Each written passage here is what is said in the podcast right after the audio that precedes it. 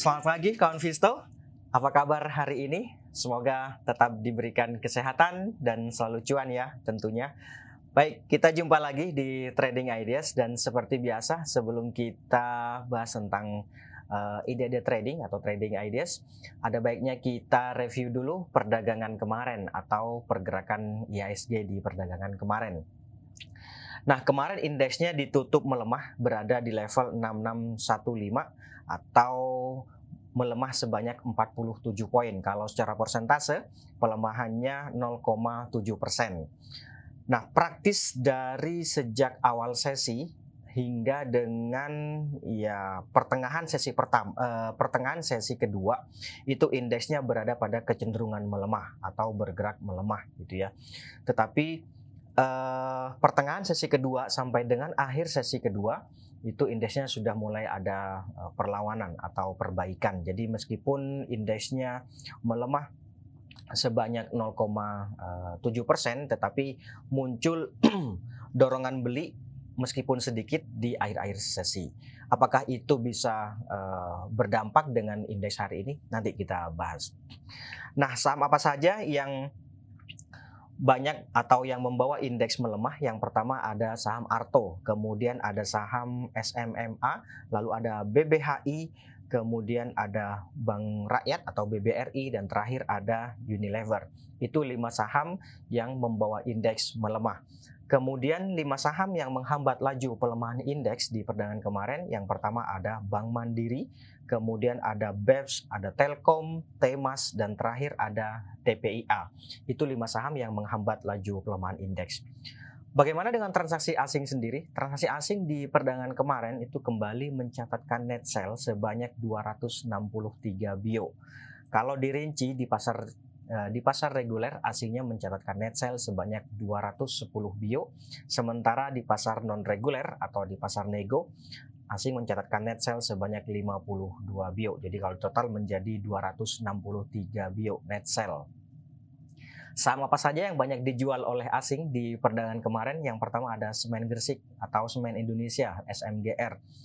Lalu berikutnya ada Bank Rakyat atau BBRI, kemudian ada Bukalapak, ada Adaro, dan ada Bank BCA. Itu lima besar yang banyak dijual oleh asing di perdagangan kemarin.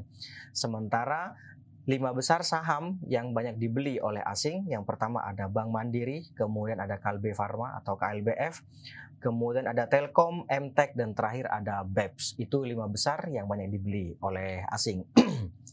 Bagaimana outlook hari ini? Ya, kalau melihat pergerakan indeks di perdagangan kemarin, memang uh, di akhir sesi seperti tadi saya sampaikan ada dorongan beli yang terjadi dan itu tampaknya mencoba untuk bertahan di atas EMA uh, 20 ini. Akan tetapi bearish crossover yang terjadi pada stokastik dan uh, apa tingginya tekanan jual yang terjadi saya pikir masih akan berpotensi membawa IHSG untuk mengalami uh, koreksi lebih lanjut gitu ya meskipun koreksinya ada peluang uh, kembali terbatas gitu ya Nah, untuk hari ini diperkirakan indeksnya akan kembali bergerak fluktuatif, bisa saja di awal dibuka menguat, kemudian seiring dengan berjalannya waktu bergerak melemah gitu ya, atau uh, seperti halnya kemarin gitu ya. Yang jelas kecenderungannya adalah cenderung uh, melemah terbatas gitu ya. Kemudian range pergerakannya antara 6570 di daerah sini kawan. 6570 sampai dengan 6650 gitu ya. Itu untuk ISG-nya. Kemudian ide trading yang pertama ada ITMG. Oke, coba kita lihat ITMG. nah, saya pikir ini uh, cukup menarik ITMG kalau kita lihat di sini saya coba saya besarkan ya. Nah, kayak gini lebih jelas. Ya, ini bisa dibilang ini adalah uh, hammer candlenya ya kemarin mencoba untuk bertahan di atas 19.900 jadi idealnya saya pikir boleh sih dipertimbangkan untuk buy on weakness di level-level itu 19.900 sampai dengan 2200 saya pikir masih uh, boleh di level-level itu. Jadi buy on weakness di level tersebut.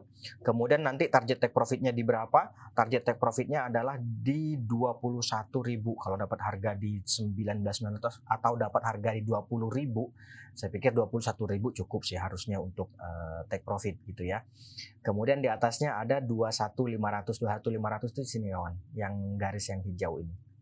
Cukup sih harusnya. Itu kemudian ada lagi Java. Java. Oke. Okay. Kemarin uh, melanjutkan konsolidasi terjadi sudah selama lebih dari uh, 10 hari terakhir atau dua minggu terakhir nih ya kalau kita lihat di sini.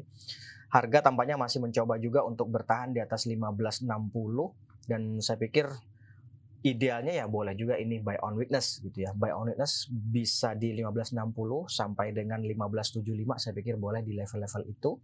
Kemudian nanti target, uh, target take profitnya ada di 1620 ini kawan kalau dapat harga di 1560, 1575, saya pikir bisa juga dipertimbangkan untuk take profit di 1620, di atasnya ada 1645. Gitu ya. Stop lossnya nanti kalau harga melemah di bawah sini, di bawah 1540. Gitu. Oke, atau kita coba lihat bagaimana ini uh, weekly-nya. Weekly-nya sih bagus sih. Weekly-nya sih bisa juga spekulatif buy ini bisa spekulatif buy. Uh, kalau weekly-nya target weekly kalau saya bilang, bilang weekly berarti targetnya 2 sampai uh, 3 sampai 6 bulan ke depan gitu ya. Saya ulang-ulang. Target weekly-nya untuk short to medium saya pikir bisa di level 1800-an sih. Cukup menarik gitu ya. Bisa spekulatif buy untuk uh, weekly-nya. Untuk short to medium gitu ya. Oke, itu untuk Java ada lagi berikutnya WH. WH. ya, ini dia WH sebentar. Nah, ini dia WH. Cukup menarik sih kalau melihat uh, pergerakan harga di perdagangan kemarin. Hanya saja memang sebagaimana yang per, uh, selalu saya sampaikan, ketika dia mengalami long white candle, maka ada potensi dia mengalami uh, koreksi terlebih dahulu, gitu ya. Kalau view-nya adalah untuk short to medium, nggak apa-apa sih uh, trading buy atau spekulatif buy gitu ya. Tapi untuk short term karena uh, WH ini biasanya sih mainnya untuk jangka pendek ya. Jadi saya pikir cukup menarik untuk trading buy atau kita lihat nanti uh, openingnya seperti apa. Kalau pembukaannya dibuka melemah ada baiknya buy on weakness bisa di 210 atau 200 sampai dengan 210 boleh di level-level itu. Tapi kalau dibukanya menguat itu bisa trading buy target terdekat itu di 232 kemudian di atasnya sini kawan yaitu di 246 cukup menarik untuk uh, trading buy gitu ya. Nah, misalnya nanti dia dibuka melemah tapi kemudian bergerak naik itu juga bisa trading buy. Uh, sekali lagi resisten level terdekatnya ada di 232 kemudian 246 di atasnya itu ini. Sebentar.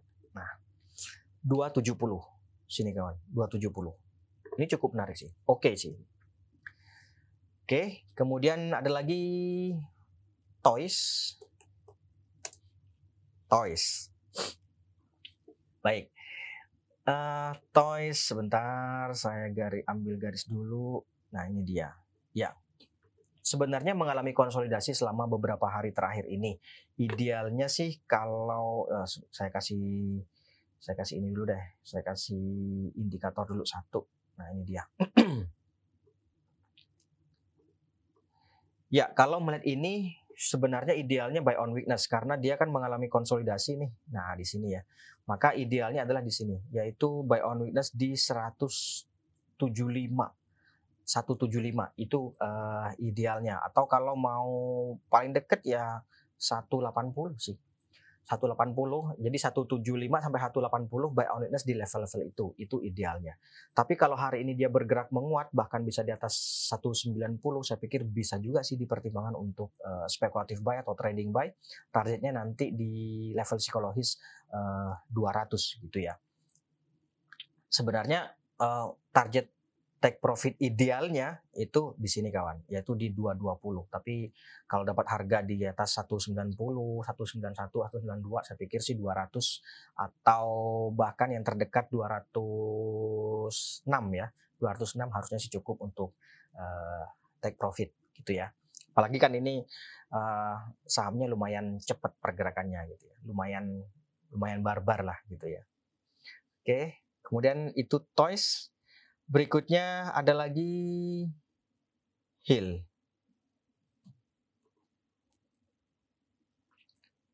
Hill. Nah, ini dia.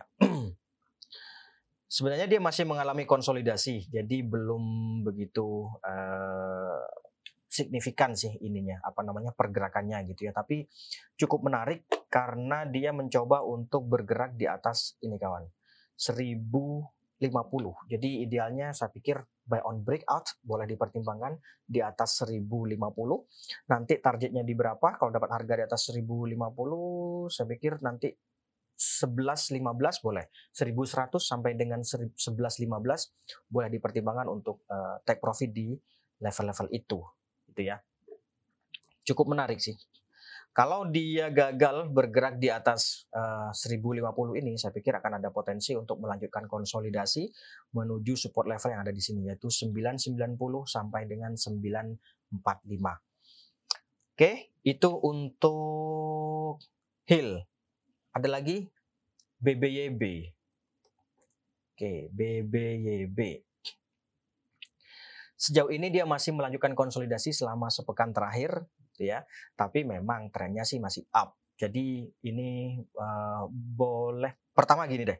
Idealnya adalah buy on weakness di 2500 gitu ya. 2500 sampai dengan 2550 itu ideal. Karena uh, ini supportnya di sini kawan. Supportnya itu di 2500, paling dekat sini ya. Kemudian kalau dapat harga di sini, jualnya di berapa? Jualnya 2750. Jadi kalau dapat harga 2500, 2700 boleh dipertimbangkan untuk take profit. 2700, 2750 itu boleh di level-level itu uh, take profitnya gitu ya. Tapi kalau hari ini dia bergerak menguat sampai di atas 2650, tadi kan idealnya ya buy on weakness.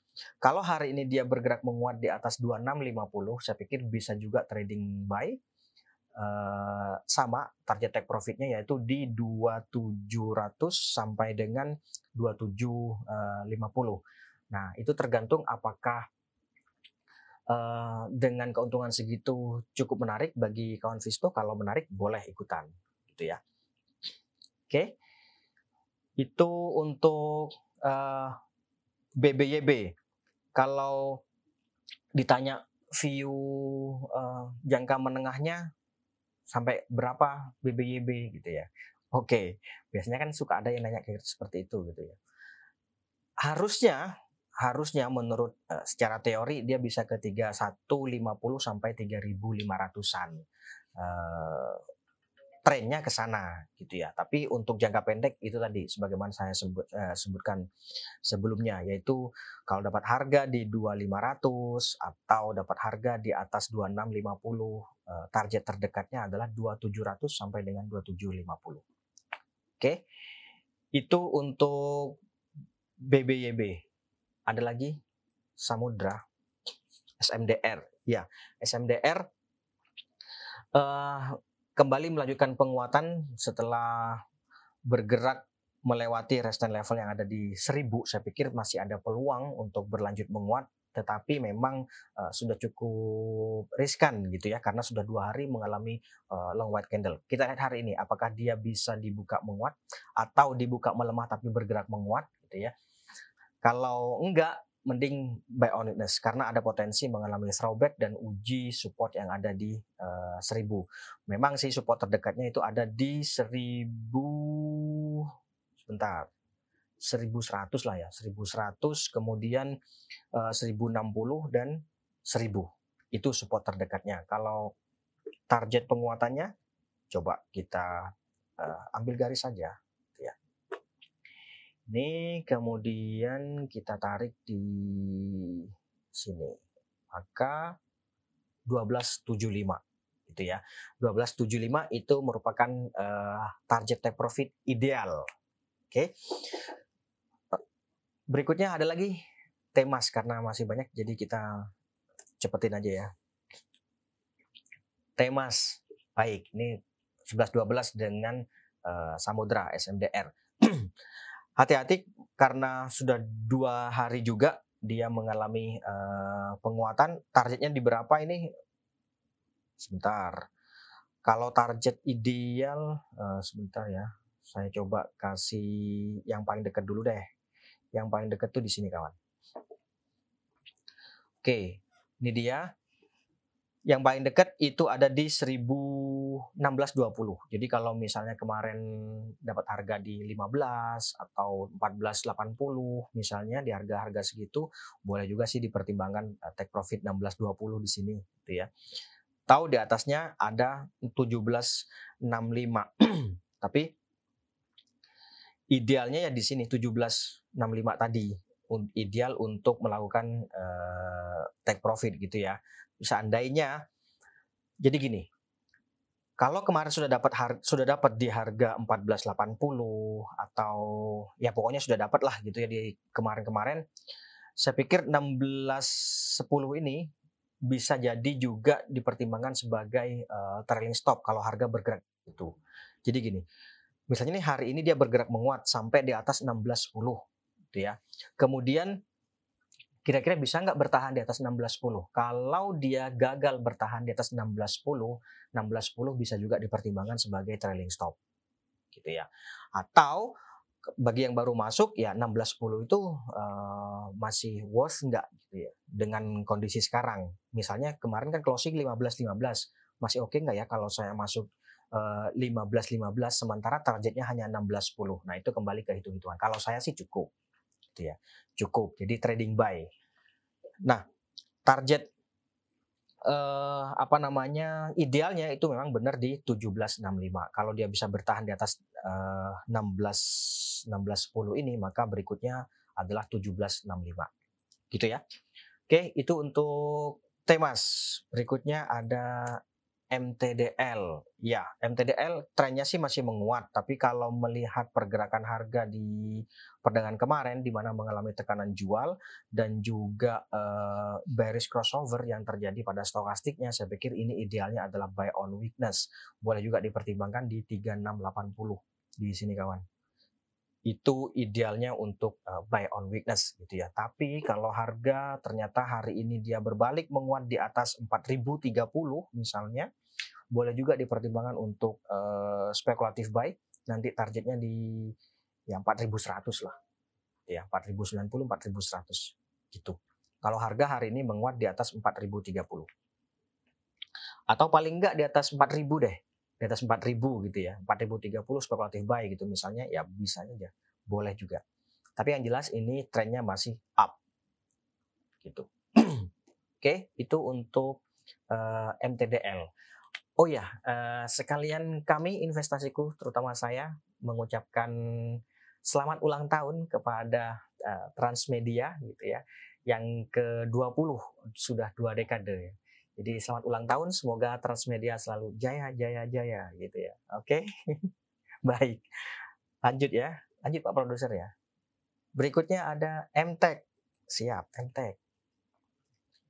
Ya, MTech ini sebenarnya cukup menarik selama sepekan terakhir dia mengalami penguatan gitu ya dan kemarin dia uh, mencoba untuk bergerak di atas resistance level 2640 di sini kawan eh sorry kok 2640 sih 2240 maksud saya nih 2240 hanya saja belum mampu untuk melewatinya kemudian muncul spinning top ini spinning top kemudian di sini bearish crossover jadi idealnya tentu adalah take profit atau sell on strength. Kalau sell on strength bisa dipertimbangkan di 2240 sampai dengan ya 2210 saya pikir boleh sih. 2240 itu resistance levelnya. Nanti buybacknya uh, bottom fishingnya di berapa? Bottom fishingnya di 2100. Buyback kalau harga mampu menguat sampai di atas 2350. Di atas 2350 boleh dipertimbangkan untuk uh, buyback. Yang jelas dengan kondisi sekarang, karena memang sudah mengalami rally selama lebih dari dua pekan terakhir dan kemarin itu praktis menghentikan rally yang terjadi uh, selama sebelum-sebelumnya gitu ya. Maka ada baiknya dipertimbangkan untuk uh, take profit terlebih dahulu. Gitu. Oke, okay. itu untuk uh, short term gitu ya. Berikutnya ada behit. nah, ini behit setelah bergerak menguat beberapa hari sebelumnya, dia uh, kembali mengalami konsolidasi. Maka idealnya ini adalah buy on weakness. Boleh dipertimbangkan di 59 atau di 56 gitu ya. 56 sampai 59. Tapi yang jelas support cukup kuatnya itu 59 sih. Apakah dia hari ini mampu bergerak di bawah 59? Kalau dia hari ini bergerak di bawah 59, saran saya sih mending tunggu di bawah lagi gitu ya. Tapi kalau enggak uh, bisa juga sih dipertimbangkan untuk eh, spekulatif buy gitu ya. Nanti target take profitnya di berapa? Kalau dapat harga 59 saya pikir harusnya sih 62 bisa sih dipertimbangkan untuk take profit gitu ya. Di atasnya itu 63 deh, 63. Nah ini 63 resistance levelnya ya 63 di atasnya ada 65. 63 kemudian 65 lalu 68 itu uh, resistance level terdekatnya behit Sekali lagi idealnya ini adalah buy on weakness boleh di bawah 59 gitu ya. Di sini misalnya ini berapa nih? 56 sampai dengan 58 deh. 56 ya 56 56 dapat harga 56 jual 58 atau jual 59 sih oke okay sih harusnya. Gitu ya. Oke. Okay. Atau sekalian kalau mau short to medium nanti belinya di atas ini kawan di atas uh, ketika dia mampu bergerak di atas EMA 50 yaitu di atas 65 gitu boleh juga sih di atas itu oke itu untuk behit kemudian Wika Wika ya di perdagangan kemarin Wika juga kembali untuk melemah dan uh, support terdekatnya itu ada di 1125. Sebenarnya ini idealnya adalah buy on breakout. Buy on breakout-nya di mana? Sebentar. nah, ini dia. Buy on breakout-nya di atas ini 1240 karena pelemahan yang terjadi kemarin saya pikir akan ada potensi untuk uji support 2, uh, 1125 yang sejauh ini trennya masih melanjutkan tren pelemahan. Jadi saya khawatir uh, ada pelemahan lebih lanjut. Tapi 11.25 sih bisa juga sih sudah. Kalau misalnya nih harga hari ini uji 11.25 bisa sih spekulatif buy. Terus kemudian kalau dapat harga di 11.25 ada baiknya dipertimbangkan di 11.65 sudah mulai uh, take profit gitu ya. Oke, itu untuk short to medium. Kalau untuk short termnya, eh, uh, sorry, itu untuk short term. Kalau untuk short to mediumnya, saya pikir ini masih spekulatif buy, masih oke. Okay masih uh, pokoknya masih oke okay lah gitu ya. Bisa di uh, trading buy nanti target penguatannya sampai dengan 13.30 untuk short to medium. 13.30 tuh deket sih deket dan dan harusnya sih sebulan dua bulan bisa sih ya. Namanya juga short to medium ya. Oke itu untuk uh, Wika. Masih menarik untuk short to medium. Berikutnya ada BBHI, BBHI ya kemarin BBHI melemah. Nah ini sudah ada pergerakan uh, turun nih. Kalau sebelum-sebelumnya kan dia selalu konsolidasi. Nah pelemahan ini kemarin juga uh, sempat bergerak melewati 7500, kemudian saya pikir akan ada uji 7175 lagi atau kemarin juga uji 7 uh, eh, sorry uji EMA 20-nya nih ya. Nah pelemahan di bawah 7175 akan ada potensi uji uptrend line di sebentar saya tarik garisnya. Nih di sini nih. Yaitu di 6825 uh, jadi sampai dengan saat ini uh, ini kan bisa jadi karena pengaruh uh, apa namanya red isunya diundur gitu ya pelemahan yang terjadi kemarin. Yang jelas potensi pelemahannya dapat uji sampai 65 uh, sorry 6825 gitu barangkali tertarik boleh juga dipertimbangkan untuk buy on weakness di level-level itu. Atau kalau hari ini dia bergerak menguat di atas ini untuk trading jangka pendek ya. Sekali lagi trading jangka pendek kalau bergerak bisa bergerak menguat di atas 6600 bisa juga untuk uh, spekulatif buy nanti jualnya di sini kawan 8000 gitu ya. 6 uh, misalnya nih hari ini dia bergerak di atas 7600 saya pikir 7600 kemudian jual di uh, eh, 8000 cukup sih mestinya mestinya sih cukup. Ini untuk uh, short term. Kalau untuk short to medium ya trennya sih masih up. Mau bicara apa lagi? Kalau trend up ya beli aja gitu kan. Ya enggak? gitu. Atau ya paling enggak kalau mau confirm ya buy on breakout di atas 8000 gitu ya. Kalau mau nunggu di bawah 6825 itu. Oke, itu uh, eh, BBHI. Berikutnya sampai kapan uh, rate-nya belum ada pengumuman sampai dengan saat ini. Jadi tunggu saja info lebih lanjut. Berikutnya ada Antam. Oke, ini Antam. Kalau melihat pergerakan harga di perdagangan kemarin, maka akan ada potensi untuk kembali uh, uji support yang ada di 2270. Sebenarnya meskipun kemarin bergerak melemah itu masih melanjutkan konsolidasi. Support terdekatnya di sini 2270, di bawahnya ada 2240. Jadi boleh dipertimbangkan untuk uh, spekulatif buy di level-level itu atau kalau dengan posisi kemarin maka buy on weakness gitu ya. Oke. Target penguatannya di berapa? Kalau dapat harga di 2270, saya pikir bisa juga dipertimbangkan take profit di 2350 nanti. Harusnya sih cukup. Gitu ya. Oke, itu untuk Antam. Masih banyak Unilever. Oke, waktu sudah mulai mepet Baik, lanjut aja ya. Uh, Unilever. Unilever boleh buy on weakness di 4220. Ini untuk short term. 4220 kalau dapat harga di 4220 saya pikir uh, 4360, 43 4400 itu boleh sih dipertimbangkan untuk uh, take profit. Tapi kalau untuk short to medium ini masih boleh buy atau spekulatif buy 4250 sampai dengan 4290 itu boleh di level-level itu spekulatif buy. Untuk short to medium masih menarik sih ini. Untuk short to mediumnya masih menarik. Oke. Berikutnya Astra. Astra ada potensi mengalami koreksi jangka pendek yang jelas uh, sampai dengan perdagangan kemarin sudah empat hari terakhir dia mencoba untuk bertahan di atas 5850. Kalau melihat bearish crossover pada stokastik, saya pikir idealnya adalah buy on weakness boleh tunggu di 5750.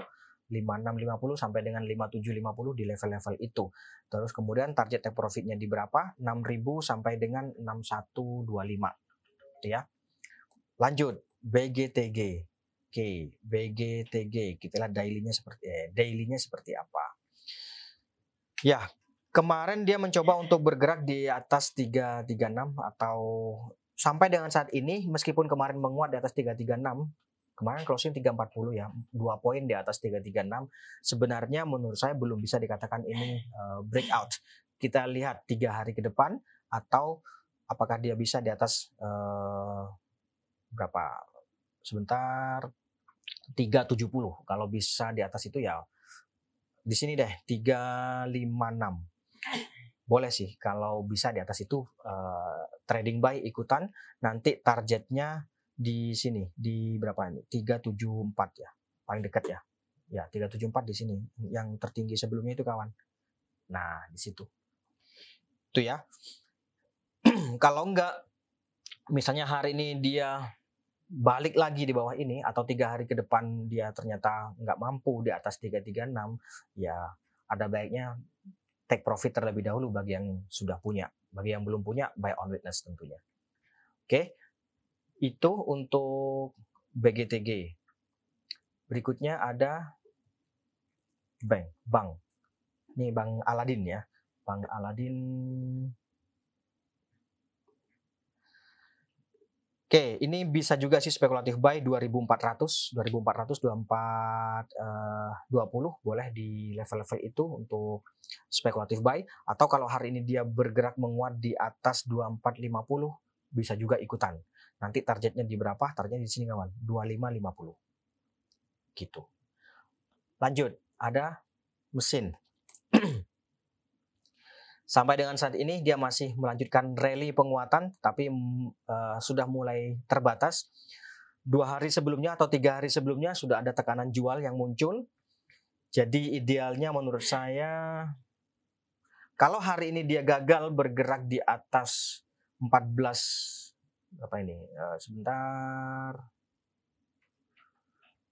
14 1435 ya 1435 kalau hari ini dia gagal bergerak di atas 1435 ada baiknya dipertimbangkan untuk take profit. Bagi yang uh, belum punya mau ikutan lihat hari ini apakah dia bergerak di atas 1435 nah kembali seperti itu buy on breakout gitu ya. Buy on breakout di atas 1435 kalau enggak uh, mending tunggu di bawah tuh. Atau cari saham, saham yang lain gitu ya yang jelas kalau sudah punya kemarin-kemarin, misalnya hari ini dia gagal di atas 1435, ada baiknya dipertimbangkan untuk take profit terlebih dahulu. Memang sih idealnya untuk take profit kan di sini ya 1590, tapi karena sudah muncul tekanan jual selama beberapa hari terakhir, itu tadi kalau hari ini dia gagal bergerak di atas 1435, ada baiknya dipertimbangkan untuk take profit. Berikutnya INTP INTP ya INTP idealnya adalah buy on witness. Boleh dipertimbangkan di 11.700an di sini atau ya idealnya 11.500 sampai dengan 11.700 itu untuk buy on witness. Tapi saya pikir 11.700 sih sudah uh, boleh sih gitu ya. Bagi yang sudah punya mau take profit di berapa? 12.25 nih 12.250 sampai dengan 12.500 boleh di level-level itu.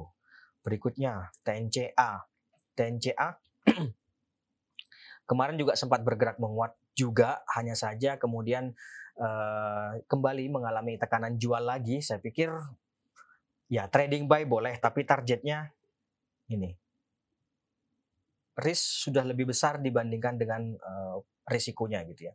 Targetnya 2170 itu uh, target terdekatnya gitu ya.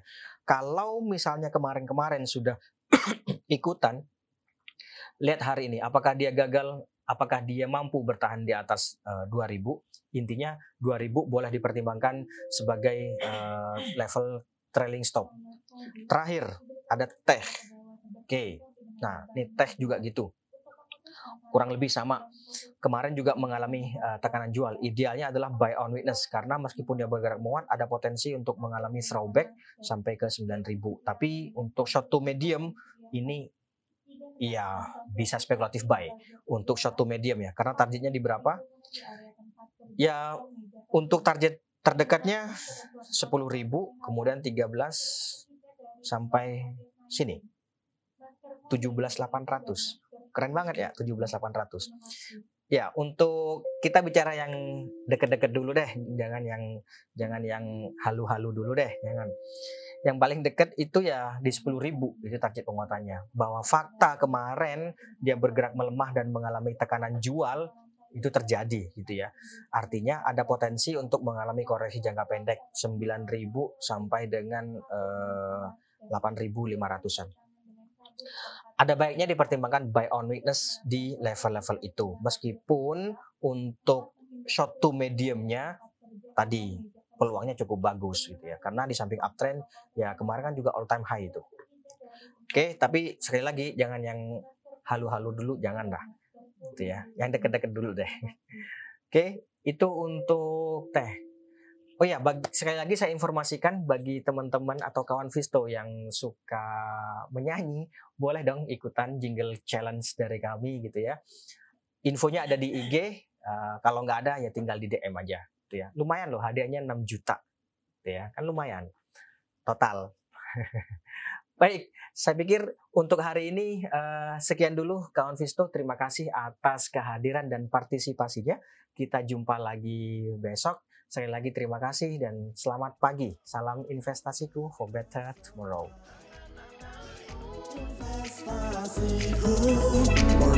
Tomorrow.